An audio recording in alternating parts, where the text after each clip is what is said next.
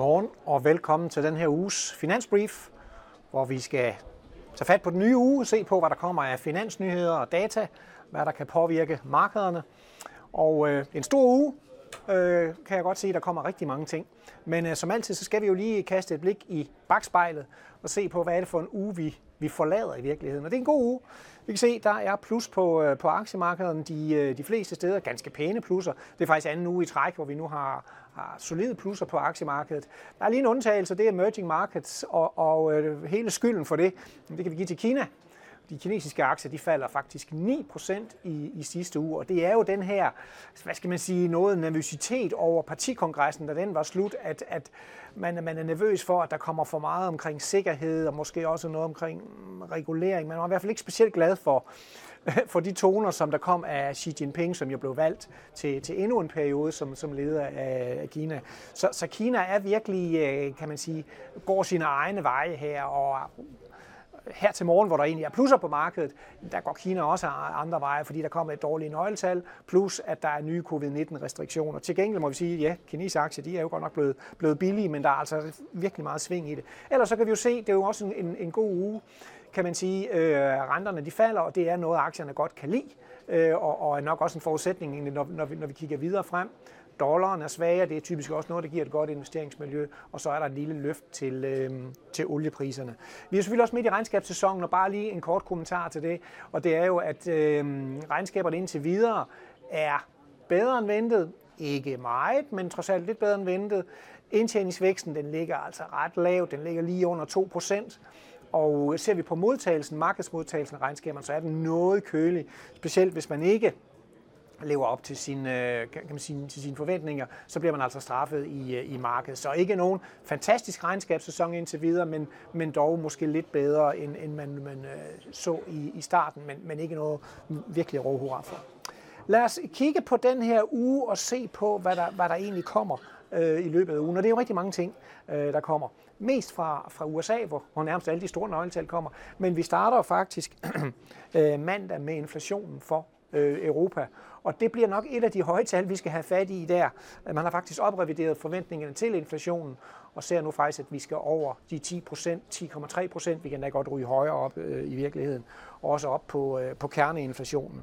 Øh, så, så vi fik nemlig en del tal fra Øh, de udvalgte fra, fra Tyskland, Frankrig i fredags, og Italien, de var altså alle sammen højere end ventet. Så altså endnu en grim øh, inflationsdata fra, øh, fra Europa er der udsigt til, og det er jo selvfølgelig også noget, der kan spille ind på den europæiske centralbank, at jamen, så er de altså nødt til at fortsætte øh, rentestigningerne. For øvrigt også øh, BNP for tredje kvartal for, øh, for Europa, og det ligner noget med nulvækst, så det er jo sådan en lidt kedelig kombi, høj inflation og lav, øh, og lav vækst der.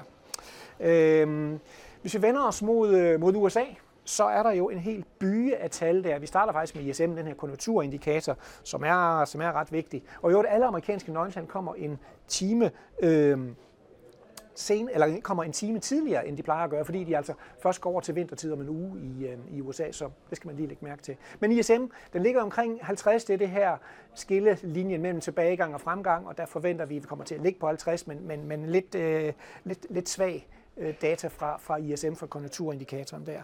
Så er der Fed-møde onsdag, som er jo den helt store og nok ugens vigtigste begivenhed, må vi sige. Øhm, og der forventer vi 75 basispoint, i, øh, at renten bliver hævet med, og, og, og det er der ikke noget overraskende i, og det forventer de fleste faktisk. Øhm, men Fed er lidt i det her, det her dilemma egentlig, fordi de har jo sådan set, at måske at, at, at forbrugerpriserne ligger stadigvæk højt, men er, man er måske på vej til at, at, at toppe. Til gengæld så har vi et boligmarked, som jo øh, begynder at se noget svagt ud. Det er steget ret kraftigt, jo 40 procent, men er nu begyndt at vise klare svaghedssignaler. Realkreditrenten er over 7 procent. Øhm, så spørgsmålet er jo fedt at fange lidt mellem, at jamen, øh, der er nogle ting, der ser svage ud, nogle ting, der ser stadigvæk stærke ud på inflationen. Hvad pokker skal de gøre? Øhm, så Fed vil egentlig gerne se lidt nogle svagere nøgletal, og det de helst vil se, ja, det er faktisk det, der kommer fredag, nemlig jobrapporten. Øhm, det er jo sådan, at der stadigvæk er en underliggende stigning i den amerikanske arbejdsstyrke på omkring øh, 100.000. Og det betyder jo, at, at jobmarkedet er stadigvæk rimelig stærkt derovre. Og sidste gang fik vi jo en jobvækst på over 200.000. Den her gang forventer man 190.000.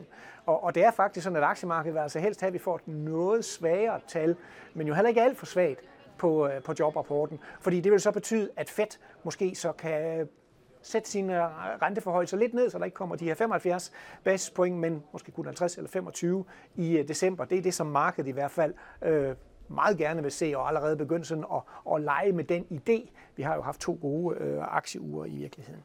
Derudover øh, de her amerikanske nøgletal, så kommer der lidt fra Kina.